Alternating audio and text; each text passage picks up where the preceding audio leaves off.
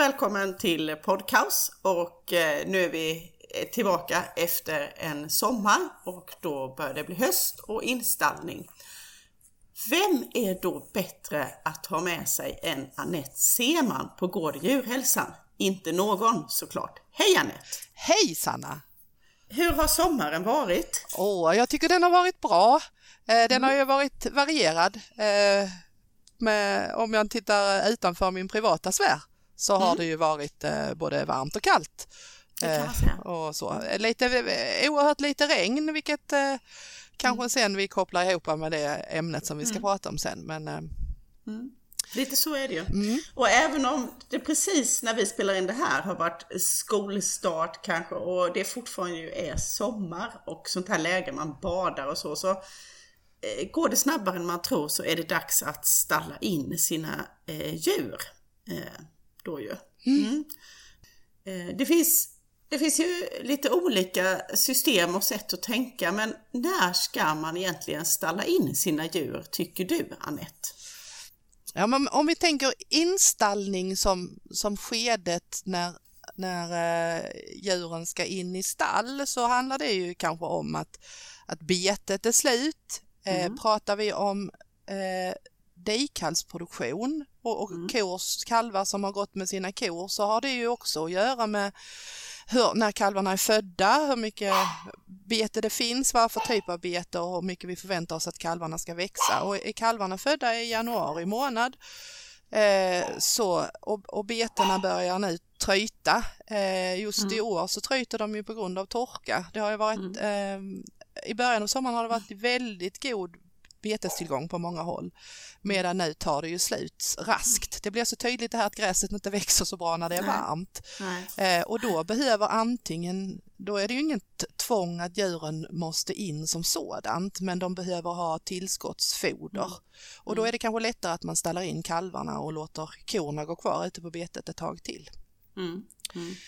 Precis, och, och, där kan man ju konstatera, tycker jag då som har dikor själv, att man, man verkligen måste fundera över vad som passar en själv bäst och mm. vad man mm. har för beten. Vi betar ju mycket återväxter och vallar och det är ganska ansträngande att hålla tillräcklig beteskvalitet och betesmängd mm. på hösten. Mm. Eh, och har man andra förhållanden så kanske det är helt enkelt bättre att få tillväxten på stall. Mm, det är ju mm, mm olika mm, helt enkelt.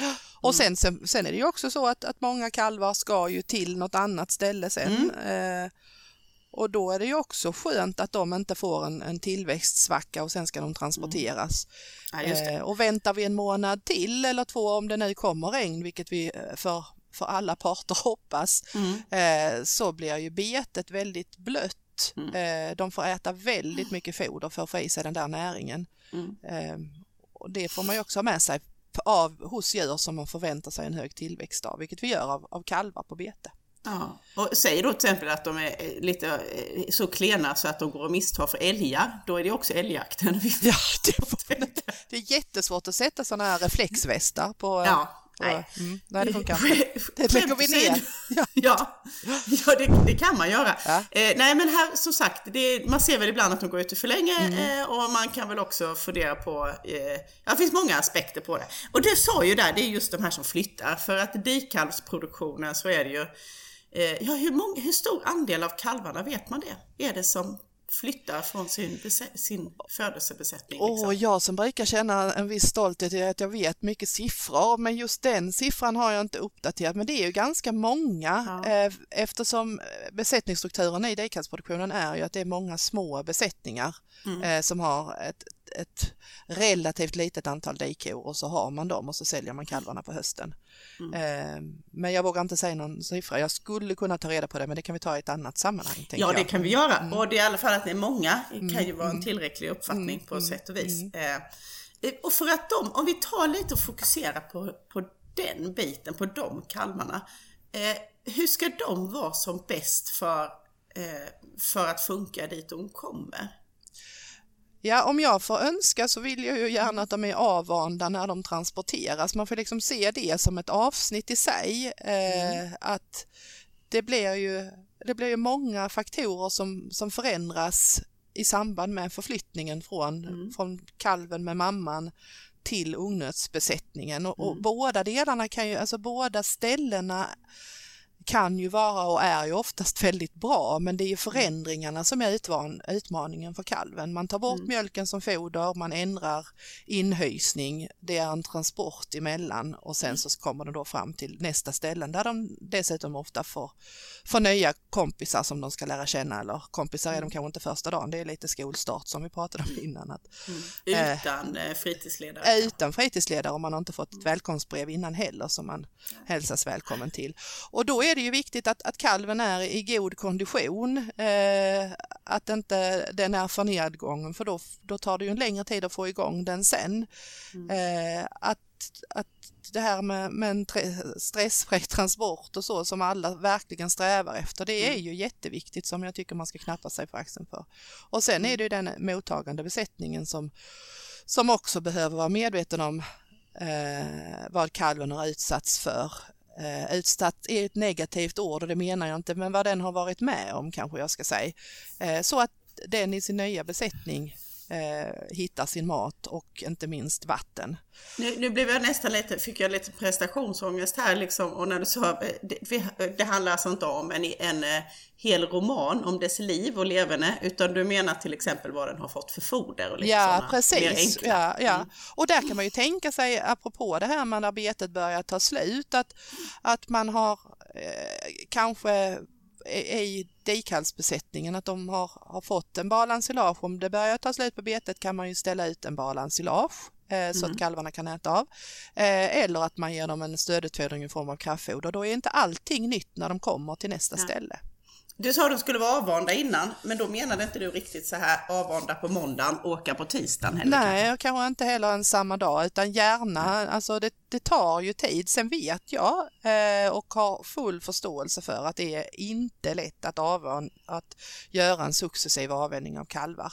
Men det mm. finns ju en del knep eller tekniker som man kan vänja sig vid eh, eller som man kan använda sig av. Till exempel eh, en, en modell som, inte, som jag tycker ökar lite, det är det som vi kallar på engelska fence line weaning, att man ställer kalvarna på ena sidan av ett staket och, och korna mm. på andra sidan så att de har den sociala kontakten med varandra men kalven kan inte dia. Eh, kan inte det ja. liksom. Mm, ja. Mm, kommer ja. inte åt kon, men då, då, försvinner inte allt, då försvinner inte både mamman och mjölken utan då finns mamman ja. kvar i närheten. Och då kan man ju se att de efterhand så går de ju längre och längre ifrån varandra. Mm. Eh, men det, det, ställer ju krav på det där staketet såklart. Skulle eh, tänka det ja. Mm, mm. Hjälper inte med balaband där. Nej. Och nu så, så, har vi varit så här lite soft in på det här. Jag, jag tänker så här att vi kan, äh, Anette, vad är rätt pris för kalven? Mm. Kan du här i podcast Absolut, säga det? Absolut, det är ju helt exakt. Alltså det är en sån siffra som vi jobbar väldigt exakt med tre decimaler varje år. Nej, ja. det, gör, det gör vi inte, utan, utan det är jättesvårt att, att säga rätt pris på kalven. Det man kan säga det är ju att det som det, rätt pris är ju det priset som den som säljer kalven är beredd att mm. sälja den för och det som ungnötsbesättningen är beredd att köpa den för. Det blir ju mm. rätt pris för båda affärspartners och så är det ju. Det är ju inte som att gå till ICA och köpa mjölk att det finns en prislapp eh, som alla ska betala utan det är ju en det, förhandlingsfråga vi kan väl egentligen bara vara överens om en sak och det är att det kommer att diskuteras i år som mm. alla andra mm. år mm. vad som är rätt ja. pris för kalven. Ja, mm. och, och, i början av sommaren förvånas man över att det kanske är höga priser och sen ska ja. man också vara medveten om att, att pris och kvalitet hänger ju ofta ihop mm. och säljer vi en, en, bra kalv som har en god tillväxtpotential så är det ju oftast så att den kalven betingar ett mm. högre pris. Om man köper in från flera besättningar så kan man ju fundera på det. Nu, nu kan ju förutsättningarna vara så att man inte riktigt står i det läget att man riktigt kan välja. Men om vi nu säger Anette att du istället skulle börja köpa in kalvar och föda upp. Eh, hur hade du tänkt liksom, för vilka, alltså kan man avgöra liksom att de här kalvarna från den här besättningen, de är eh, prisvärda eller den här besättningen köper jag inte ifrån. Alltså jag, jag tänker lite, ibland ser man liksom att det är som variation på kalvarna mm. man har mm, köpt. Mm. Eh, och där kanske de som är sämst kan man fundera på om, om de var värda någonting med tanke mm. på smitttryck och hur de mm. liksom sänker gruppen. Mm. Förstår du lite vad jag är ute efter? Och det gäller ju även om man köper mjölkkalvar egentligen, samma egentligen, att, att, att det är stor skillnad. Mm. Mm, det är det ju och, och där om man inte har någon, någon, kontakt innan så, så är det ju väldigt svårt att liksom eh, att, att bara säga eh, allmänt. Kilo. Nej, ja. precis. Alltså kilo och ålder alltså, mm. är ju en sån sak. Vad väger de vid en mm. viss ålder? Eh, där mm. finns det naturligtvis rasskillnader också. Men, mm. men en, en tidigt född kalv som väljer, väger väldigt lite, där är det ju någonting som har hänt som har mm. gjort att den sannolikt inte är värd lika men, mycket. Men om jag då får köpa den mycket billigare, blir det inte prisvärt då? Jag eh. inte då? Fodrar jag på den utav hundarna och så får jag en jättefin eh, ekonomisk avans. Eller är det ja. inte så det fungerar? Så, så kan det ju vara om man har ett väldigt billigt foder och är säker mm. på att den kommer igång väldigt snabbt. Men det kan ju också vara så som du sa att, man, att den har med sig något eh, på skånska mög. Möga. Som den mm. gärna delar med sig av till andra om man inte mm. har, alltså så. Eller så blir det ju så att den den kan ju växa bra men, men eftersom den startar längre bort bak i, mm. på startblocket så kanske man behöver hålla den längre för att den ska bli lika stor som de andra. Mm. Eh, och det kan ju störa, eh, störa hela systemet. Sen den andra delen som jag, som jag i min roll som rådgivare gärna eh, öppnar för med besättningar som, som köper från flera besättningar, det är att, att faktiskt jämföra olika besättningar, att, att följa upp slakten utifrån SE-nummer. Sen är det inte alltid säkert att jag har möjlighet att att välja bort. Eh, men jag kan, jag kan kanske anpassa min produktion efter ja. vilka djur jag har och vilka raser jag har om det är så att jag köper från mm. i olika rassammanhang. Det är nog alldeles riktigt. Och jag tänker att, att en, en, ett bra råd skulle kunna vara att ändå att om möjligt undvika mögkalvarna. Ja, ja. Av många anledningar. Ja, antingen undvika mögkalvarna eller om jag vet att jag har några mindre kalvar så de kan mm. ju bli som du sa jättefina men då behöver de en liten vippavdelning så att, mm. så att de får en extra. De kan ju vara de där kalvarna som är, när alla andra är födda i maj, mars mm. så kanske det är några som är födda i maj och de kan vara jättefina och varit friska och det har varit andra skäl till att de är senfödda. Mm. Men ge dem lite extra omsorg för de är rätt så mycket mindre än de andra. Och där kommer du in på något som är intressant oavsett om man köper in eller har sina egna, det här med gruppering. Eh, hur skulle du säga att, att det påverkar att ha möjlighet att gruppera eh, och hur ska man tänka när man grupperar? Förutom då att de yngre är, eh, är för sig. Ja, man kanske ska tänka, de yngre är ju för sig av en anledning och det är ju att de behöver oftast en högre andel protein i sin foderstart än vad de äldre eller vad de större mm. behöver kanske vi ska säga som ord. Och då, eh, då kan det ju finnas ett värde att man storlekssorterar så tillvida. Den andra delen handlar ju om, nu är jag ju en, en produktions och foderrådgivare så det är klart mm. att jag färgas av det men eh, i de allra flesta fallen så sker det ju en konkurrens kring foderbordet oavsett om man har en plats. Jag, jag vill hävda att det är alltid bäst att ha en ätplats per djur eh, för mm. att djur eller nötkreatur är sociala djur vill göra saker samtidigt. Mm. Det kvittar att, eller det, det, är klart att man kan ha en, en foderblandning som är lika hela tiden och djuren kan gå och äta när de vill men de tycker om att göra saker mm. tillsammans med varandra. Mm. mm. Eh, och då är det ju så att de där som är mindre de har inte riktigt samma möjlighet att hävda sig framme vid foderbordet och då på sikt kan det ju bli så att de som var mindre än de andra från början blir en, alltså mm. förhållandevis lik, alltid mindre och kanske ännu mindre efterhand som de andra växer för de trängs undan eller att mm. de inte tar sig tiden att gå och äta eller får ett, eh, även om man strävar efter att ha samma foderblandning så får de kanske en mindre foderblandning. Så, så att gruppera efter storlek är ju bra eh, i den mån man kan. Och eh, helst en ätplats per djur. Ja. Men om man nu inte har det. Jag kan tänka att vi säger ofta det och mm. vi pratar om att man ska bygga så. Och sen så, så vet vi ju att det är inte alltid så. Nej. Att man har en ätplats per djur. Och då tänker jag att gruppering också spelar roll. För att är man då frekvent i att se till att det finns foder så är det ändå lättare för lika stora djur att konkurrera. Mm. än ett gäng stackare med tuffa gänget. Mm, mm, visst, eh, visst. Mm. Men alla vill inte gå till rökrutan där de tuffaste är utan en del kan Det måste finnas två ja, rökrutor i så två fall. Två rökrutor och, och sen kan det ju också bli så såklart sociala djur är de och de kan ju bilda mm. subgrupper eller mindre mm. grupper i, i, gruppen så att mm. eh, så är det ju och, och, och där tycker jag ju att man som eh, oavsett vilken roll man har på, eh, på gården så när man går vid foderbordet, eh, inte direkt efter utfodring utan några timmar senare, mm. ta och kika vad är det som finns kvar. Mm. Eh, för är, om man utfodrar med kraftfoder eller spannmål och det är bortsorterat eller att det är, jag brukar kalla det månlandskap, massor med små gropar, då är det ju sorterat och de mm. där som kommer efter, de får inte samma samma sammansättning på fodret. Och det är så Anette att ditt jobb är ju just att jobba med, eh, du jobbar med eh, foderrådgivning och du räknar foderstater och du jobbar med produktionsrådgivning. Eh, om du då föreställer dig att jag tar rollen av en riktigt, riktigt sur och eh, motsträvig smålänning som inte vill förstå vad ska det vara för mening med att räkna foderstat till mina djur. Eh, jag har ju dem jag har och varför ska jag lägga pengar på det? Mm. Kan du eh, förklara det? Jättesvårt att föreställa sig en, en, en eh, motsträvig smålänning, eh, tänker jag.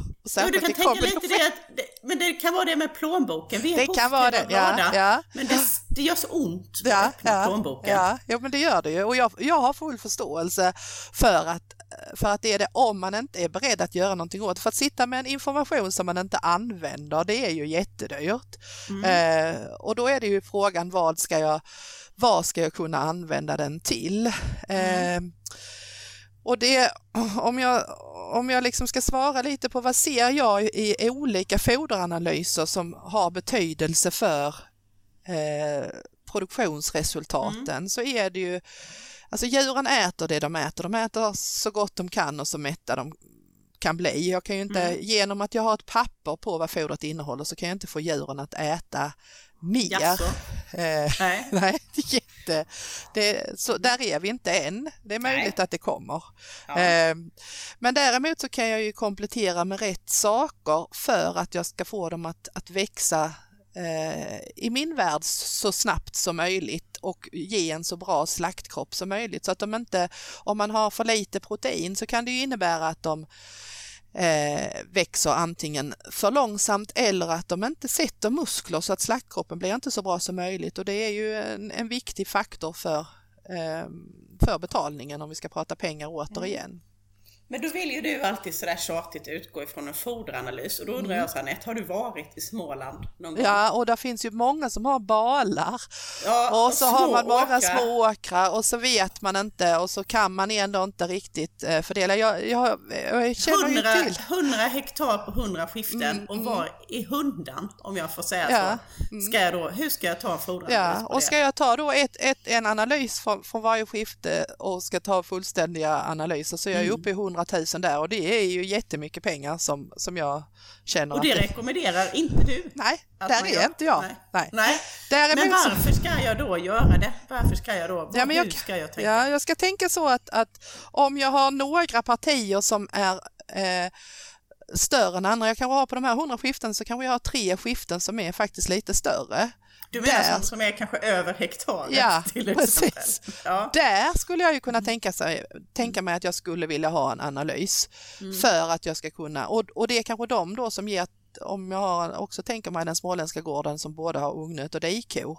Mm. För det är kanske det fodret som går till ungnöten och, och kanske tjurarna som ska växa så mycket som möjligt. Då skulle jag ju satsa på foderanalys på de du partierna. Du kanske till och med skippa, nu tycker jag du låter lite småländsk. Där menar du att du till och med skulle kunna strunta i analysen till det som korna Ja, alltså ja men lite så. Och där har jag ju också den andra delen som, som också smålänningen och, och de allra flesta människorna i Sverige som håller på med nötkött är duktiga på att titta på djuren.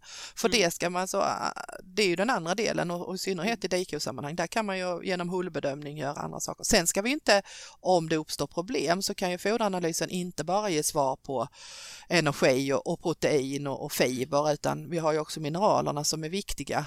Eh, så att så att den är balanserad och den rutan ser jag, om man tar en analys så ser jag ju gärna att man kryssar i rutan för mineraler också så att man inte står utan Och vad spelar det för roll då?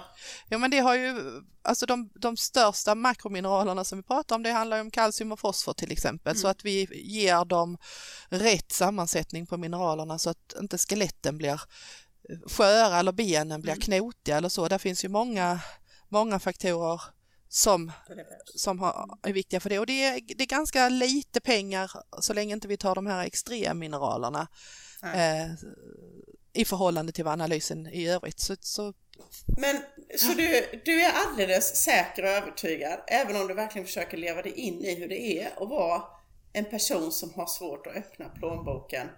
Att på att göra foderanalyser på möjligen då ett strategiskt sätt och att låta till exempel dig räkna en foderstart. Det tjänar man pengar på i slutändan. Ja, men, men det är jag övertygad om och, och jag skulle nog vilja säga att detta året är kanske ett av de åren som är ännu viktigare i att, att veta vad man har. För, för om jag ska köpa in kraftfoder i år mm. så är det ju dyrare än någonsin och då gäller det att jag köper in rätt saker. Det handlar inte kanske om att jag måste köpa in mer, för där är vi ju tillbaka i den här platsen på foderbordet. För, för är vi i Småland igen så kanske inte det, det kanske finns balar men det kanske inte finns en mixervagn utan då gäller det ju att liksom vi har ett system för utfodringen som funkar rent praktiskt. Eh, och, och, då är ju eh, det som är basen i nötköttsproduktionen på de allra flesta ställena att, att vi vet vad vi har för grovfoder och sen kompletterar vi med rätt grejer i lagom mängd. En, ett annat grovfoder som kommer mer och som ju i och för sig väl är ett semigrovfoder ibland, det är ju helsäd. Mm. Vad tänker du om det? Så eh, när någon säger, så har vi helsädesbalar. Ja, jo, eh, det är ju jätte, jättefint eh, för att det kan ju vara precis vad som helst. Där har jag ju ett, ett krav på mig som att, att ställa vad har du i den? För det kan ju vara att för den ena bonden så är det en, en helsäd korn som är tidigt skördat, nästan grön och i andra mm. sammanhang så kan det vara nästan åt halmhållet med mm. färdiga spannmålskärnor och en del har havreärt, alltså det finns ett protein i den också. Så att helsäd kan ju vara väldigt mycket och, och, och där finns det ju inte några tabellvärden kan man ju säga som är säkra för den specifika gården utan ska vi prata om analyser så är det ju en, en Nej, för där menar du att, mm. och där det faktiskt kan vara så att det är ett lämpligt foder till sinta djur och det kan vara ett lämpligt foder till snabbt växande ja. tjurar. Ja, absolut. Fast vi kallar det samma sak. Mm, liksom. mm, mm. mm. Ja, det är superintressant såklart. Eh, jag tänker lite på vad man mer ska göra eh, om man då eh, köper in kalvar. Jag vet inte om vi, eller ja, med sina egna också. Så kanske jag vill slå ett slag för jag tror du håller med mig. Det är lite det här med avmaskning och avlusning och ta kontakt med sin veterinär eller någon av dina veterinärkollegor och se vad som behövs där. Eh, så att kryp av invärtes och utvärtes kaliber inte stör djuren. Mm. Och, och, och det, det är väl det du säger i det att, att se vad som krävs eller behövs, det tror jag är en viktig del mm. i den. Att, att man inte är eh, generellt ja eller generellt nej utan nej. gör efter behovet som finns. Och ja. Om man till exempel är kund hos oss så kan man ju, mm. så ingår det i paketen eh, mm. träckprov så att man faktiskt får en bild hur det ser ut. Mm. Eh, men det är ju väldigt olika beroende på besättning hur behoven är och också både besättning och, och även årsmån såklart. Men det är ju bra att veta att man, det finns sätt att ta reda på hur mycket och det finns åtgärder att göra. Ja, och där kan jag väl då som smålänning eh, lägga in särskilt att när det gäller skabb och det är ju det som är håravfall ofta runt mm. svansroten och bakdelen. Eh, där är det väldigt osmart att ha den småländska varianten att bara behandla drabbade djur. Mm. Det slår tillbaka på plånboken. Man ser ibland att man går och skvätter med lite bara på de som tycks vara angripna. Det är sällan en, en fiffig lösning. Mm. Mm. och där kan det ju vara bättre att tänka på det redan vid installning om mm. djuren är, mm. är påverkade. Att slippa det hela säsongen och inte bara få skabben och hoppa över till ett annat mm, djur. Mm. Mm. Och det är ju verkligen så om vi pratar, som är en, en ständigt viktig fråga i djurvälfärd, att, att mm. Alltså om man någon gång har haft eh, någon form av löss i sitt eget huvud, det är klart att man inte presterar på topp eh, och det vill vi inte att djuren heller ska eh, de, ska ju, de ska ju må så bra som de bara kan med de medel vi har. Eh, och, och eh, detta är ju också en, en viktig fråga i sammanhanget. Så är det ju. Eh, nu var det lite, har det varit om kalvarna, de växer och allting. Om man nu har en sån här klassisk, man avvänjer kalvarna, man säljer kanske dem. Man har dikkorna kvar. Mm. Eh, eh hur, vad tycker du, hur ska deras höst se ut? Mm. Och vinter? Och höst och vinter ska ju vara så att då, då har vi ju liksom, kan man väl säga, tre perioder. Alltså dels är det ju då efter avvänjning så att de, eh, då då är det ju så att de inte ska producera någon mjölk. De behöver inte så himla mycket foder och det gör ju ingenting om man har beten som eh, eller ute, utevistelser som, som passar så kan man ju låta dem gå kvar utomhus mm. Eh, eller ut och in. Det mår de ju oftast bara bra av. Mm. Den andra delen i det där om man ser produktionsekonomiskt eller allmänt det är ju att se till att, att de korna som man har på vintern att de är dräktiga som man har tänkt sig och de som mm. inte är dräktiga mm. eh, kan man ju då slakta. Eh, mm. Jag säger att, du något viktigt för för även om jag har all förståelse för att det eh, krävs lite för att ordna så att man kan dräktighetsundersöka så blir jag nervös när man hör besättningar som har haft kor över hela vintern och så säger mm. de att ja det var ganska många som aldrig kalvade. Mm. Eh, mm. Jag tänker att en dräktighetsundersökning på hösten är en väldigt bra sak. Det är jättevärdefullt och där kan jag väl flika in eh, från vi har i alla fall eh, möjlighet, det finns något som heter PAG-prov som man kan ta i mjölken, att man kan alltså mm. göra en dräktighetstest genom mjölk och se. Eh, och, och det det säger ju ingenting om hur långt dräktig kon är, vilket man kan få vid en, vid en annan en klassisk ultraljudsundersökning eller ähm, dräktighetsundersökning. Men man kan i alla fall få ja eller nej och, och är det nej på dem så har man liksom första rensningen ja, gjord. Mm. Mm. Äh, och jag tänker, har man inte redan bra rutiner för dräktighetsundersökning så tycker jag man ska vända sig till antingen Gård djurhälsa eller någon annan veterinär mm. som och diskutera hur man kan få till ett bra och säkert sätt mm. att få dem dräktighetsundersökta. Mm. För det är ju, alltså, det är ju, man, man sätter ju stor tillit till den tjur eller mm. sin semin eh, och, och mm. dikor är ju ganska duktiga på att kamouflera ja. brunst. Eh, så eh, det, det, drabbar, det drabbar fler än man tror det där att ha, ha icke-dräktiga kor. Och, och sen ja. finns det klart att det har ju varit år som det har varit Eh, mer eller mindre kastningar dessutom av olika skäl. Men, men att dräktighetsundersökas för att liksom, om vi pratar pengar och den småländska plånboken igen så är det ju eh, flera foderanalyser betalda ja. med att man blir av med de korna som inte är dräktiga. Ja, eh, och sen... Så då tänker vi dikorna, de har kanske gjort ett jobb på att beta av eh, beten och vara ute ganska länge därför att de har inte kalven med sig. När de väl ställas in så ska de dräktighetsundersökas. Eh, och sen då? Vad ska de sen? Mm, sen, ska de ju, sen har de ju liksom sin eh, pausperiod och då, då, är det ju beroende på, eh, återigen om man tänker i, i det här snurrhuvudet, eh, när ska de kalva? Eh, för de allra flesta korna i Sverige, det kan jag säga med bestämdhet, för den siffran vet jag att de allra flesta korna i Sverige av, av köttraser kalvar i, i mars, april. Mm. Och då kan de ju gå på ett, ett, ett eh, ganska enkelt foder, ett grovt ensilage eller helsäden kan ju också vara med på ett hörn om man kan sortera det. Det kan ju också vara så att de får lite ensilage och halm mm. i sin foderstat. Alltså så lite foder som så det bara bär deras behov. Samtidigt som jag då som djurskötare eller djurägare tittar på hullet, hur de ser ut. Mm. Eh, så att jag sorterar efter, där om vi pratar gruppering på kalvar innan så är det ju gruppering på kor, har ju att göra mm. med hull till exempel mm. så att vi mm. kan se till att, att de magra korna har möjlighet att äta upp sig inför kalvning och de andra kan hålla igen.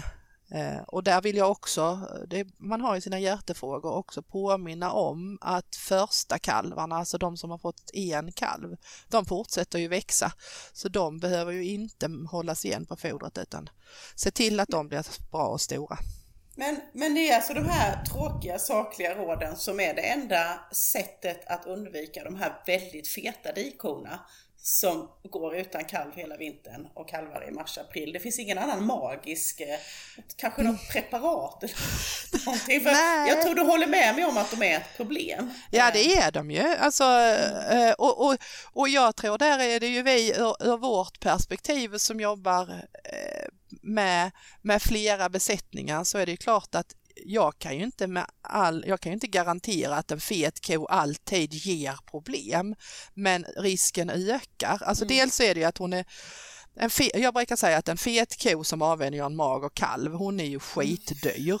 Ja. Eh, men för då ger hon ju varken eller Sen kan det finnas kor i gott hull som ändå ger bra kalvar och som kalvar väl. För, för de här feta korna är ju dels att de äter för mycket, det andra är ju att det kan bli kalvningssvårigheter för att förlossningsvägarna mm. blir trånga och förlossningarna blir tröga och då kommer inte råmjölken igång. Så det är så många följder av. Och, och mjölkavkastningen blir ja. sämre efter ja, för ja. att kalcium pumpen är lite Ja, eh, så, där är så, så, så det ska man ju vara medveten om när man ser de där feta korna och tycker mm. det är jättejobbigt när de blänger på en för de ser ju en som svikare. Man ska de... blänga tillbaka. Ja, och tänka att det är omtanke ja. detta, detta ja. är omtanke. Mm. Och eh. se till förstås att de kan äta någonting. Ja, eh. ja. och inte så... bara bara halm, men så de måste ju ändå ha ett foder som de kan eh, mm.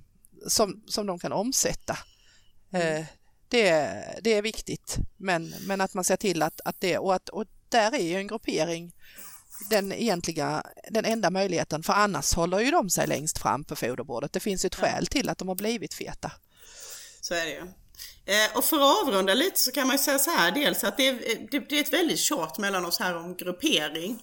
Det är planering eh, och att ta tag i det här vid inställning om vilket foder har jag och att eh, göra analyser även om man har många skiften eh, och kanske då eh, gärna ta hjälp av en, en foderrådgivare och då kan man vända sig till dig eller dina kollegor tänker jag Anette. Mm, det är man så välkommen att göra och, och, vi har ju alltså jag pratar ju skånska om någon har missat det under den här resan, du pratar småländska, jag pratar skånska eh, och då har vi ju vår hemsida www.gårdoch-djurhälsan.se mm. där kan man hitta kontaktuppgifter till exempel. Det är ju alldeles utmärkt. Mm. Eh, och sen när man köper in kalv att eh, följa upp och se mm. vilka kalvar är det som ger det bästa nettot. Eh, att, med, att glad i hågen fortsätta diskutera pris. Om ni tyckte att ni missade någonstans här i podden vad som är det rätta kilopriset så kan ni lyssna igen och se om vi säger det. Om det kommer.